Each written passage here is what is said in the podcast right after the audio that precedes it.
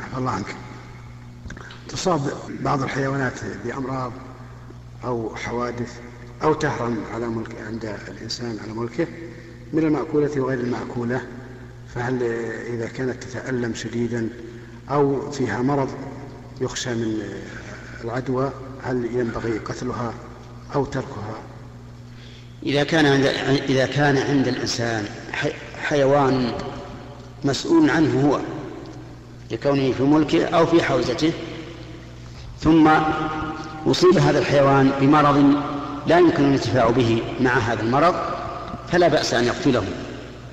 لأنه في هذا الحال سيكون عبئا عليه وسوف نلزمه بالإنفاق عليه.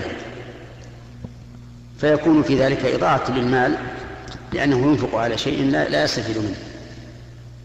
فعلى هذا نقول لا بأس أن تقتل هذا الحيوان إذا كان مريضا لا تنتفع منه أو كان يخشى منه عدوى ضارة بالحيوانات الأخرى. هذا إذا كان تحت مسؤوليتك. أما إذا كان خارجا عن مسؤوليتك بأن, بأن, بأن يكون هناك حمار أو كلب أو, أو دابة في, في البر ليس لك عليها ولاية فدعها حتى يقضي الله بها أمرا كان مفعولا. وإن كان من المسؤولين الرسميين. لا أما المسؤول المسؤول الرسمي عن مراعاة الحيوانات فهو مسؤول. كالذي يملكها مباشرة. إذا بحالك نعم.